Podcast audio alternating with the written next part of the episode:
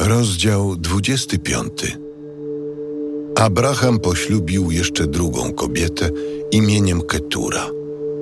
Ona to urodziła mu Zimrana, Jokszana, Medana, Midiana, Iszbaka i Szuacha. Jokszan był ojcem Saby i Dedana. Synami zaś Dedana byli Aszurim, Letushim i Leumim synowie Midiana, Efa, Efer, Henoch, Abida i Eldaa. Ci wszyscy byli potomkami Ketury. Abraham całą swą majętność oddał Izaakowi, synów zaś, których miał z żon drugorzędnych, obdarował i kazał im jeszcze za swego życia odejść od Izaaka ku wschodowi, do kraju leżącego na wschód. A gdy Abraham dożył lat 175, zbliżył się kres jego życia i zmarł w późnej, lecz szczęśliwej starości, syt życia i połączył się ze swoimi przodkami. Izaak i Izmael, synowie Abrahama, pochowali go w pieczarze Makpela na polu Efrona, syna Sochara Hityty w pobliżu Mamre na tym polu, które nabył Abraham od potomków Heta, został on pochowany obok swej żony, Sary. Po śmierci Abrahama Bóg błogosławił jego synowi, Izaakowi. Izaak zamieszkał w pobliżu studni Lachajroj. Oto potomkowie Izmaela, syna Abrahama, którego Abrahamowi urodziła Egipcjanka Hagar, niewolnica Sary.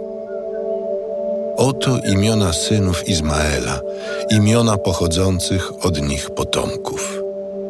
Nebajot, pierworodny syn Izmaela, Kedar, Adbel, Mipsam, Miszma, Duma, Massa, Hadat, Tema, Jetur, Nafisz i Kedma.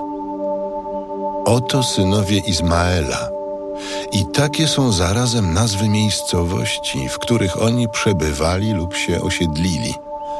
Dwunastu naczelników ich szczepów. A Izmael, mając 137 lat, doszedł do kresu swego życia. Umarł i połączył się ze swoimi przodkami. Mieszkał od Hawila aż do Szur, leżącego naprzeciw Egiptu, na drodze do Aszszuru. Osiedlili się tam, jeden szczep naprzeciw drugiego, gotowi do napaści. Oto dzieje potomków Izaaka, syna Abrahama. Abraham był ojcem Izaaka. Izaak miał czterdzieści lat, gdy wziął sobie za żonę Rebekę, córkę Betuela, Aramejczyka z Paddan Aram, siostrę Labana Aramejczyka. Izaak modlił się do Pana za swą żonę, gdyż była ona niepłodna. Pan wysłuchał go i Rebeka, żona Izaaka, stała się brzemienna. A gdy walczyły z sobą dzieci w jej łonie, pomyślała: Jeśli tak bywa, to czemu mnie się to przytrafia? Poszła więc zapytać o to Pana, a Pan jej powiedział: Dwa narody są w twym łonie, dwa odrębne ludy wyjdą z twych wnętrzności. Jeden będzie silniejszy od drugiego, starszy będzie sługą młodszego. Kiedy nadszedł czas porodu, okazało się, że w łonie jej były bliźnięta.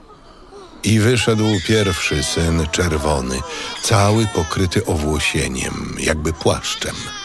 Nazwano go więc Ezaf.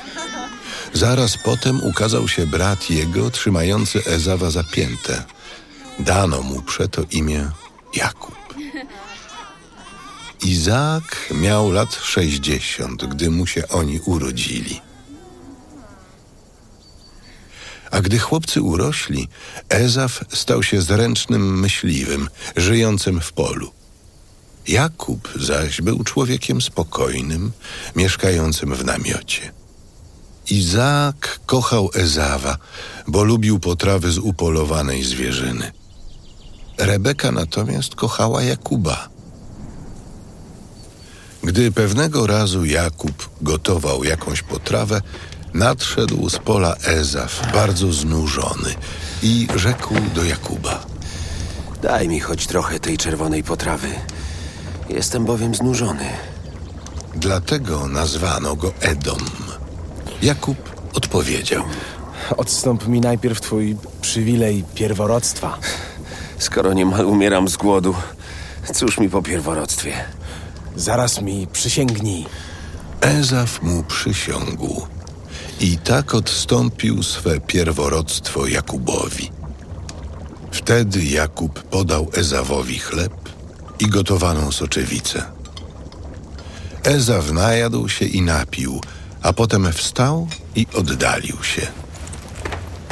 Tak to Ezaf zlekceważył przywilej pierworództwa.